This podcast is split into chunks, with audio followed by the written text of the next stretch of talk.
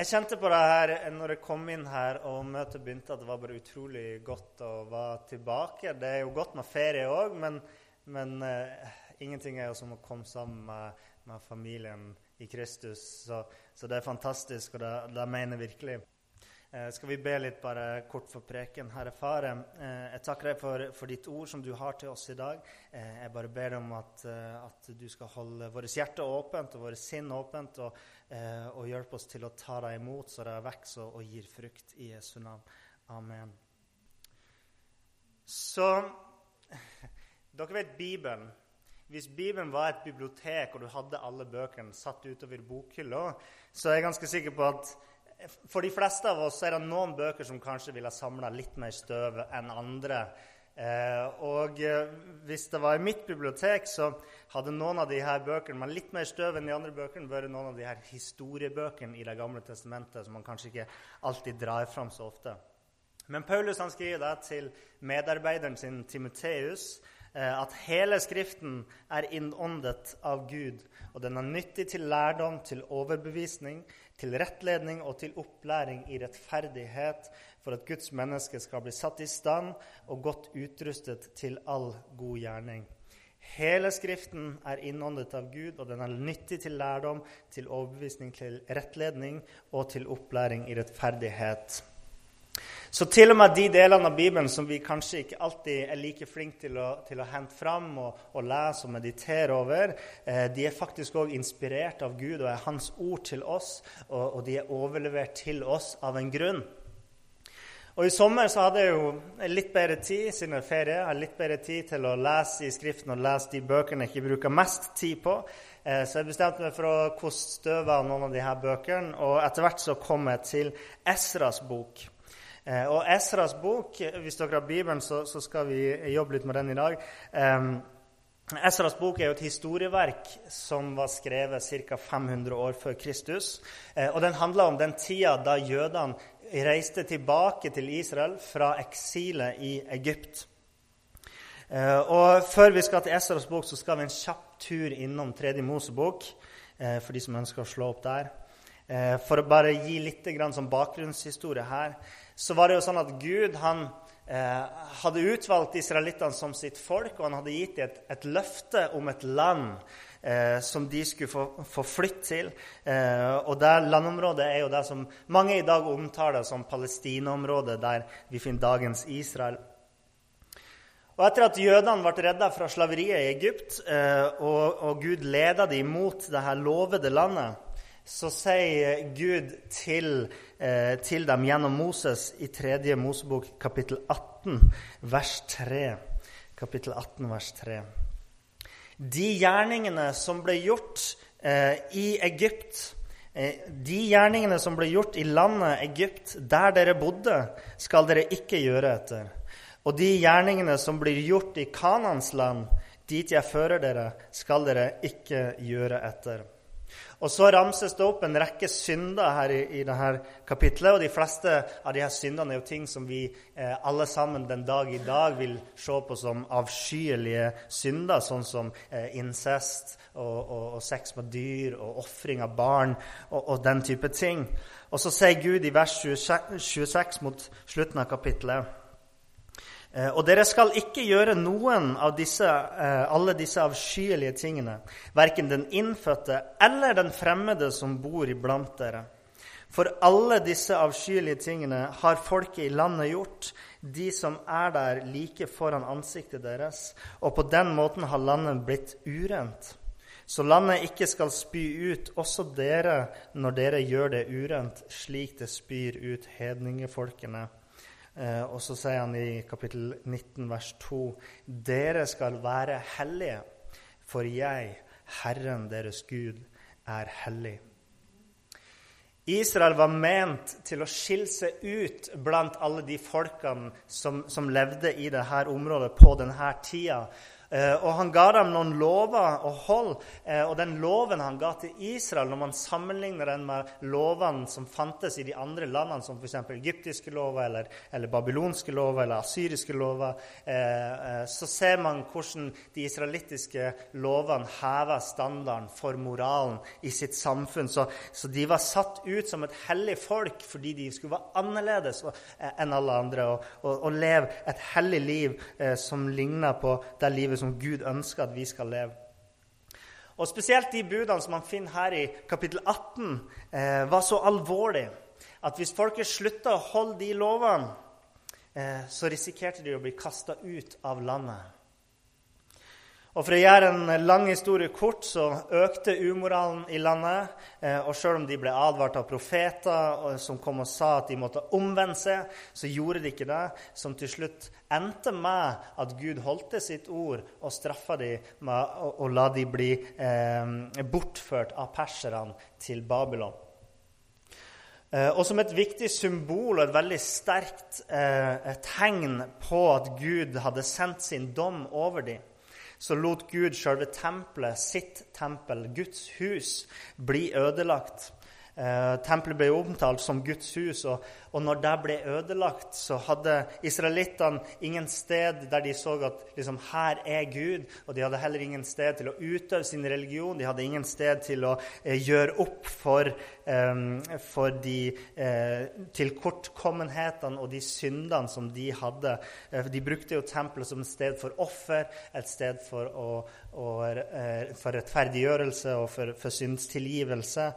Og når tempelet var ødelagt, så var det ingen måte for de å, å, å nå Gud og utøve sin religion. Så Bakgrunnen for denne historien som vi skal inn i Esras bok, eh, var det at jødene hadde synda så mye at de ble tvunget til å leve i eksil i det fremmede landet Babylon. Og eh, når jeg åpna Esras bok, så var det ikke fordi jeg hadde kjent at Gud hadde kalt meg til å, til å, ta opp den boka og lese den, men det var for meg mer en slags la oss kalle det en slags lydighetshandling. Jeg, jeg tror på det å lese Guds ord. Jeg tror på det at, at hele, hele, Skriften er innånda av Gud, og, og, at det er nyttig å lese det. Så, så det var, for meg handler det om å være tro til Guds ord, selv om noen deler av, av Bibelen kan være litt kjedelig noen gang. Men ja, jeg skjønner jo at noen av dere har levd lenger enn meg og er mer helliggjort enn meg, og, og syns det er forferdelig hvis jeg sier at noen deler av Bibelen kan være litt langtekkelig. Så jeg håper at dere kan be for meg at jeg skal bli så åndelig moden at jeg priser Gud sjøl over slektstavlene i første krønikebok osv. Eh, men veldig raskt så viste Gud meg noen paralleller mellom historien i Esras bok eh, og noen åndelige realiteter som vi lever i i dag. Og I tillegg så handler jo denne eh, historien om jødenes hjemreise fra eksilet. Og jeg tenkte at nå når vi er ferdig med ferien og kommer hjem hit til menigheten, så passer det veldig fint. så la oss lese i Esras bok kapittel 1 vers 1. I det første året til perserkongen Kyros vakte Herren perserkongen Kyros ånd for at Herrens ord ved profeten Jeremias munn skulle gå i oppfyllelse. Og Derfor sendte han ut en kunngjøring over hele riket sitt, og han skrev den også ned og sa:" Så sier Kyros, Persias konge, Herren, himmelens Gud, har gitt meg alle jordens kongeriker. Han har befalt meg å bygge et hus for ham i Jerusalem, i Juda. Hvem blant dere hører med i hele hans folk? Må Herren hans Gud være med ham, og la ham dra opp til Jerusalem i Juda og bygge Herren Israels hus. Og vi leser i vers 5. Overhodene for fedrene i Juda og Benjamin, altså lederne for eh, det israelittiske folk, og prestene og levittene, sammen med hver den som var vakt av Gud i sin ånd, gjorde seg klare til å dra opp og bygge Herrens hus i Jerusalem. Hva er det som er så interessant med de versene her? Jo, se i vers 1. Vi leste den første setninga. I det første året til eh, perserkongen Kyros vakte Herren perserkongen Kyros ånd. Og i vers 5 overhodene for fedrene i Juda og Benjamin og prestene og levittene, sammen med hver den som var vakt av Gud i sin ånd, gjorde seg klar til å dra opp og bygge Herrens hus i Jerusalem. Og hva er det som skjer her? Det var det som slo meg når jeg leste det her. Hva er det som skjer her? Jo, det er en vekkelse. En vekkelse blant folket. Gud vekker de her menneskene i deres ånd. Det, det, er Guds verk. Han kaller på dem i deres ånd. Og det hele starta med det her ene mennesket, eh, kongen Kyros, som ikke engang tilhørte Guds folk. Eh, men Gud vekker han og taler til han og bruker han som et, et redskap for å starte en vekkelse i Guds folk. Eh, og så utrolig det er å lese her, denne bekjennelsen til Kyros, Persias konge, som ikke, som ikke holdt det til den jødiske religionen engang, men hvordan han priser Israels Gud. Og, og, og, så ser vi da hvordan folket da òg blir vekka i sin ånd.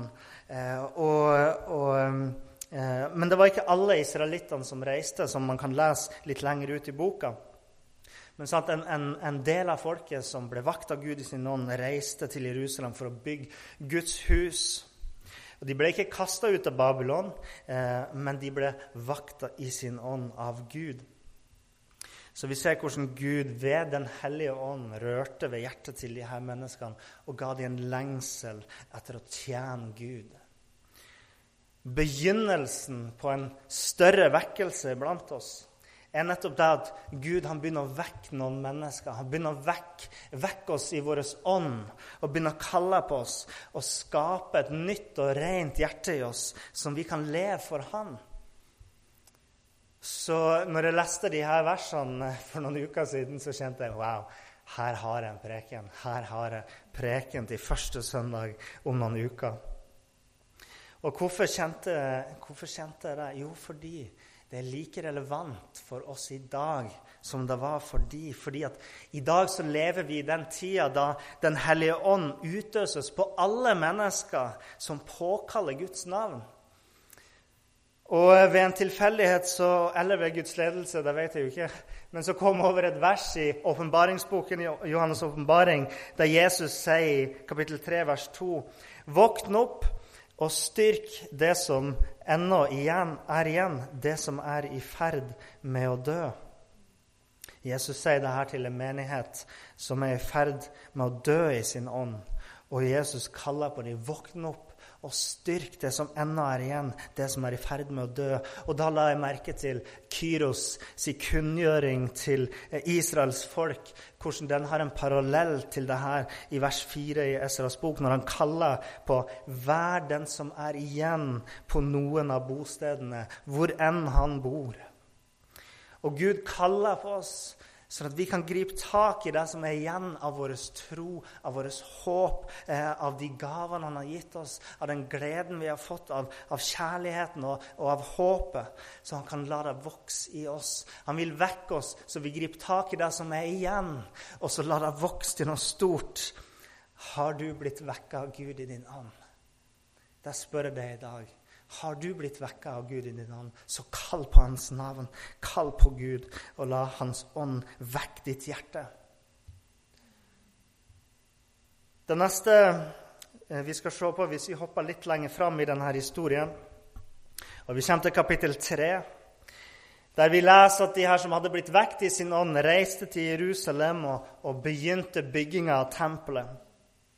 Og I vers 11 så leser vi at grunnvollen ble lagt, og i vers 12 så leser vi at det var faktisk både sorg og glede da grunnvollen ble lagt.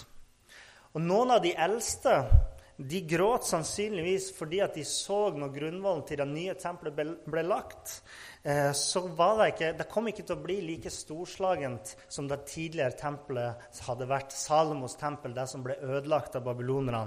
Og da gråt de.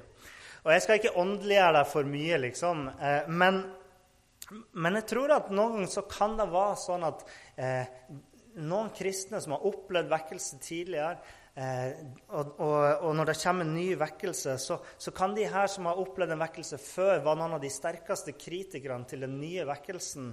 Eh, eller at de som har opplevd en vekkelse tidligere, de, de opplever at den nye vekkelsen er ikke, er ikke like bra eller like flott som den de opplevde i sin ungdom.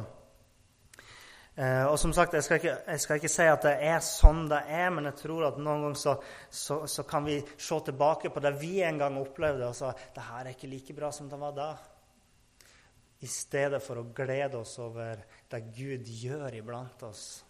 Det kan være en ting å tenke over. Men vi leser siste delen av vers 13. Esras bok, kapittel 3, vers 13. For folket jublet med høye rop, og lyden kunne høres på lang avstand. Og folket de jubla så høyt bare fordi at grunnvollen til tempelet hadde blitt lagt. Og Sannsynligvis så, så ropte de ikke bare ut meningsløse brød, liksom, men de ropte, ropte lovprisning til Gud. Takk, Gud, du som er hellig. Men vet dere ikke? Vi har òg grunn til å juble. Ja, kanskje faktisk mer enn det de hadde. Fordi Gud han har lagt en ny grunnvoll for oss. Og den grunnvollen er Jesus Kristus. Vi trenger ingen andre fundament, og vi trenger ingen andre offer. Vi trenger ingen andre handlinger for å bringe oss nær til Gud. Paulus skriver ingen andre kan legge noen annen grunnvoll enn den som allerede er lagt, Jesus Kristus. Og den som tror at Jesus er herre i sitt liv, at han har frelst det Du vil kunne oppleve gleden over denne grunnvollen som han har lagt.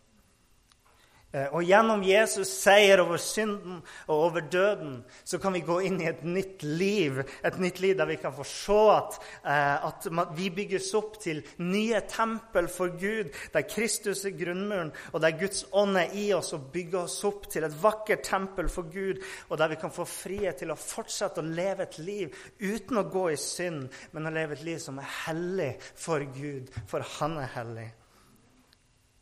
Vi må våkne opp og se at ingen andre har en sånn grunn til å juble som det vi har, fordi vi bygger vårt liv på den grunnvollen som allerede er lagt, som er Jesus Kristus.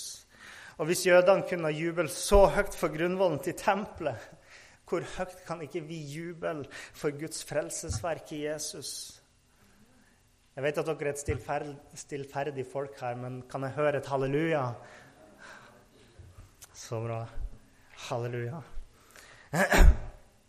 Og livet, sant? livet, som kristen det handler ikke alltid om å, eh, om å hele tida sammenhengende liksom, være i en sånn ek åndelig ekstase, eller, eller, hva man tenker på når man tenker på Den hellige ånd. Eh, men det handler òg om å glede seg over den virkeligheten det er vi tror på. Eh, den historiske hendelsen i Jesus Kristus, eh, nemlig da Gud han elska oss så høyt at han sendte sin sønn Jesus for å døpe for oss, sånn at vi skal få evig liv. Og noen ganger så kan vi juble bare fordi at den grunnvollen er lagt. ok? Så ofte, f.eks. når jeg sitter på, på, kontoret og jobber, så, eh, så tar jeg meg små pauser innimellom. En fem minutter her, en fem minutter der. Da er det bare priser Gud. Og, og noen ganger går jeg her og, og spiller for meg sjøl og bare lovsynger eh, Herren. Um, og ofte så er det ikke fordi at jeg kjenner spesielt at Gud beveger meg, men fordi jeg kjenner at du er verdig min lov og pris. Du er verdig min tid. Eh, og Her om dagen så, så møtte, jeg, møtte, jeg, Roger, som jobber nede i barnehagen ute i gangen her. Og, og han sa at ja, han hørte at jeg, at jeg spiller litt. Og Da sa jeg ja, jeg måtte ha med en liten åndelig pause. Eh, og ikke pause fra ånden, men selvsagt en pause for å gi Gud ære. Eh, så, så jeg bare sier det i dag og spør oss kan vi våkne opp og glede oss over den grunnvollen som Gud har lagt. Rett etter grunnvollen hadde blitt lagt, og folket hadde gleda seg og, og ropt ut lovprisning til Gud, så leser vi i neste vers i kapittel, fra kapittel 4, vers 1. Da Judas og Benjamins, Benjamins fiender hørte at sønnene til de bortførte bygde Herren Israels Guds tempel, kom de til Serubabel og overhodene for fedrene og sa til dem:" La oss bygge sammen med dere, for vi søker deres Gud slik dere gjør. Vi har ofret til ham siden Ashar-Haddons dager, Asyrias konge, han som førte oss hit.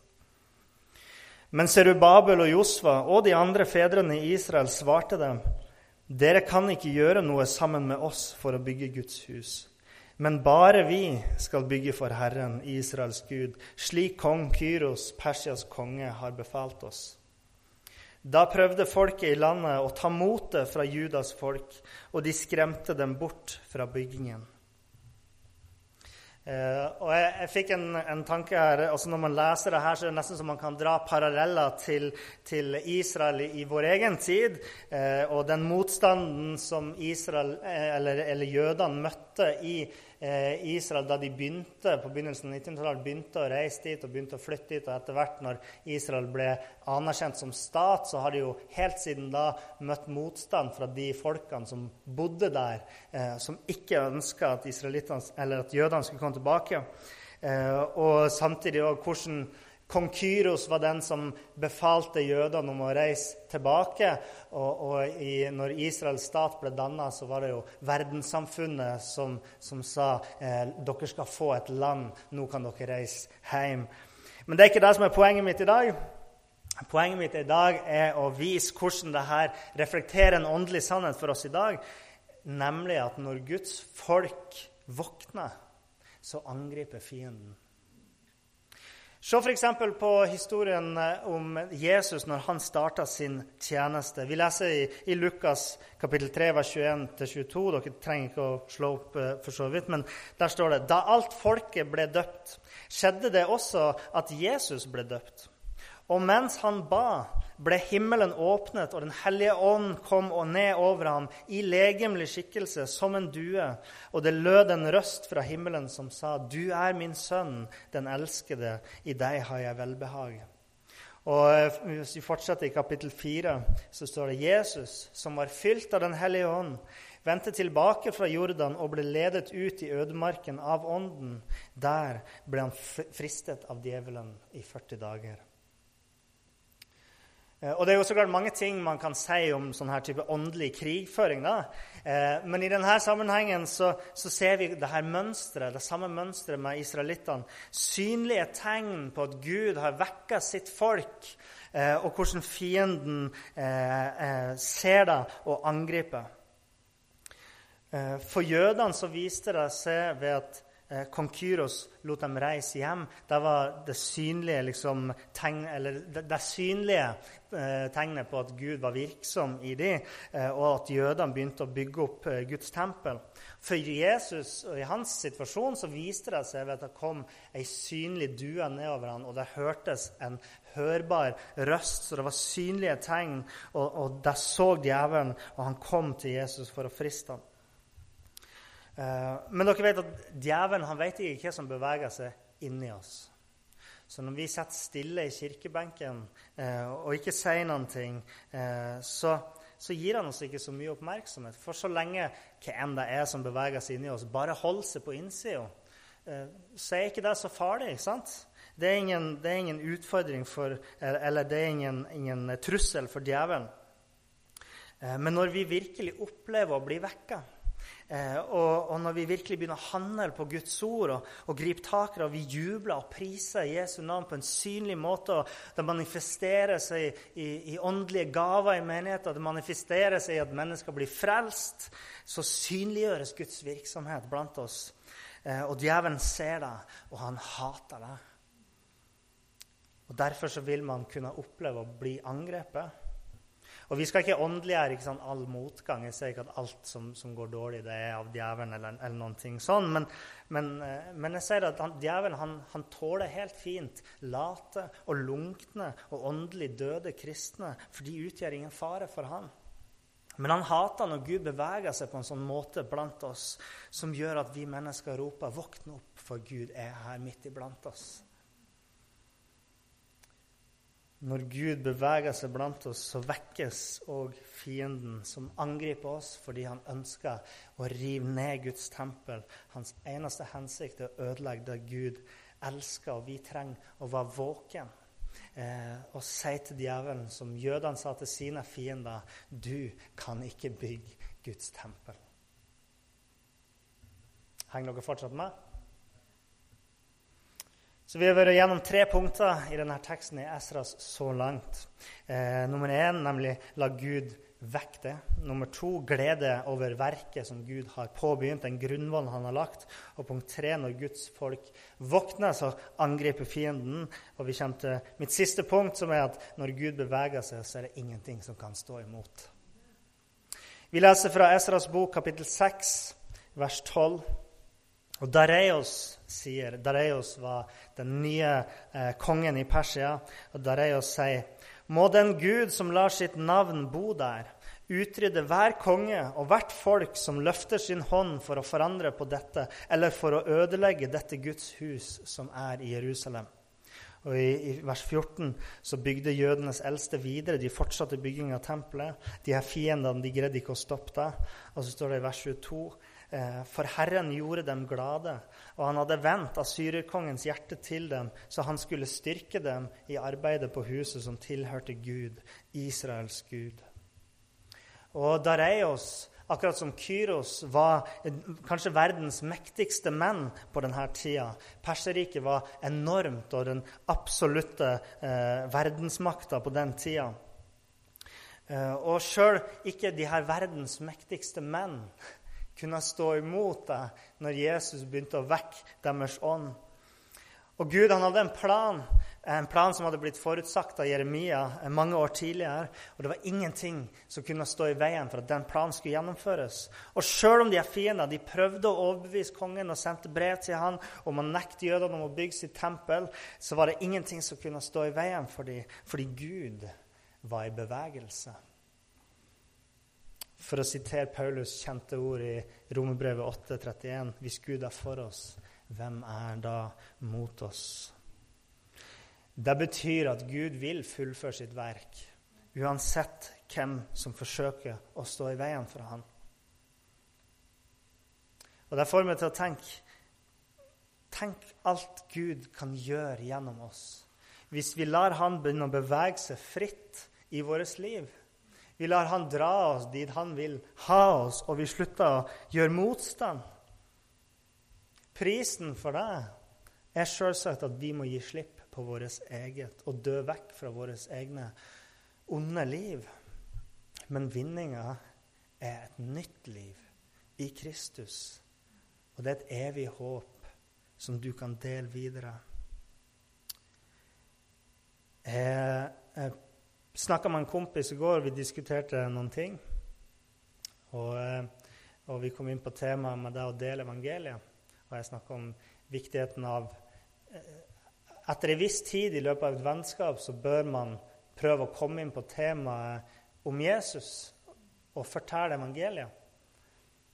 Og han, eh, kompisen min hadde litt med den holdninga at han ville ikke støte folk ved at de skulle føle seg som et objekt for vår frelse. Altså bare at, at de eneste grunnen til at man er interessert i dem, er fordi man ønsker å, å frelse dem. Uh, og et, det er en tanke som ofte dukker opp blant kristne. og Selvsagt skal vi være var for situasjonene, enkeltsituasjoner. Da må man alltid være og la Guds visdom lede oss. Uh, men på et tidspunkt så, så er det avgjørende at man deler evangeliet med folk. Eh, fordi tenk hvis at man ikke får den sjansen igjen. Og så fikk de aldri høre det fordi vi var redd for at de kanskje skulle bli støtt av evangeliet. Men hvor mye større er det ikke hvis de får høre evangeliet, og så tar de det til seg? De tingene kan ikke veies mot hverandre. Så det vi har hørt i dag, det er noen pilarer i livet med Gud. At vi må være åndelig våken. Eh, at vi må glede oss over det Gud har gjort for oss, at han har lagt den grunnvollen i Kristus som han har gjort. At vi vil møte motgang, til og med angrep, og at vi må være forberedt til å stå imot. Og at, Gud, at vi må leve i vissheten om at Gud vil fullføre sitt verk iblant oss. Um, jeg er ikke en sånn som skal stå og proklamere at dette blir en høst der, der vekkelsen skal komme. Men jeg er alltid villig til å si at jeg tror på Guds løfter. Jeg tror at Gud er i bevegelse. Han har vært i bevegelse iblant alle mennesker fra Jesu tid og fram til vår tid og beveget kristne og kalt oss til korset, til å se på korset. Eh, og det samme gjelder i dag. De her løftene de gjelder for oss i dag. Uh, og, og uh, I stedet for å stå og love at Gud har sagt at det skal bli en vekkelse i øyer, så kaller jeg oss til å våkne. Det starta her, det starta hos oss, det starta blant oss.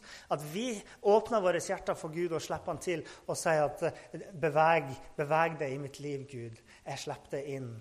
Og så kan vi være en velsignelse for bygda. Og jeg tror at, at, at, at hvis vi våkner så kan vekkelsen komme. Hvis, hvis, vi lar Gud bevege seg i oss, så kan vekkelsen komme. Hvis vi begynner å be over bygda og be for mennesker i, i, i bygda her, og, og, vi begynner å, å, avsløre fienden, vi begynner å avsløre ondskapen, så kan Gud gi en vekkelse til bygda her. Men en vekkelse foregår sånn at uh, han tenner et lys i et menneske, så det mennesket kan tenne et lys i et annet menneske, og så brer det seg utover. Så, så la oss være våken og, og la oss kalle på Gud. Mm. Amen. Jeg takker deg, Herre Far, for, eh, for, at du virkelig har begynt å, å bevege noe i mitt hjerte. Eh, og, og, jeg takker deg for at, eh, at, du har brukt meg i dag til å, til å dele ditt, ditt ord her, Herre. Eh, jeg takker deg for de her åndelige sannhetene som bare eh, er så levende i, i, hvert et ord i din skrift, Herre Far. Eh, at vi kan lese alle bøkene i Bibelen og se hvordan du har vært virksom, og at den samme Gud er virksom blant oss. La oss se at dette blir en virkelighet, Herre Far. Jeg kaller på en vekkelse her i menigheten. En oppvåkning, Herre Far. Vekk vår ånd, eh, sånn at vi ikke kan stå imot det, Herre Far, men bare kommer Din Hellige Ånd over oss. Eh, og Far, jeg ber om en vekkelse eh, her i Øyer, Herre. Eh, jeg bare ber om at denne menigheten skulle kunne være et lys eh, for bygda. Eh, et lys som skinner så sterkt at det høres om i hele landet. La oss være et lys for kirken, Herre Far. For alle kristne. La det høres om den vekkelsen som skjer i våre hjerter, Herre Far. Vi påkaller det i Jesu navn, Gud. Kom til oss, og la oss vokte den. Forandre vårt liv, så vi kan forandre andre liv, Herre Far. I Jesu navn. Amen.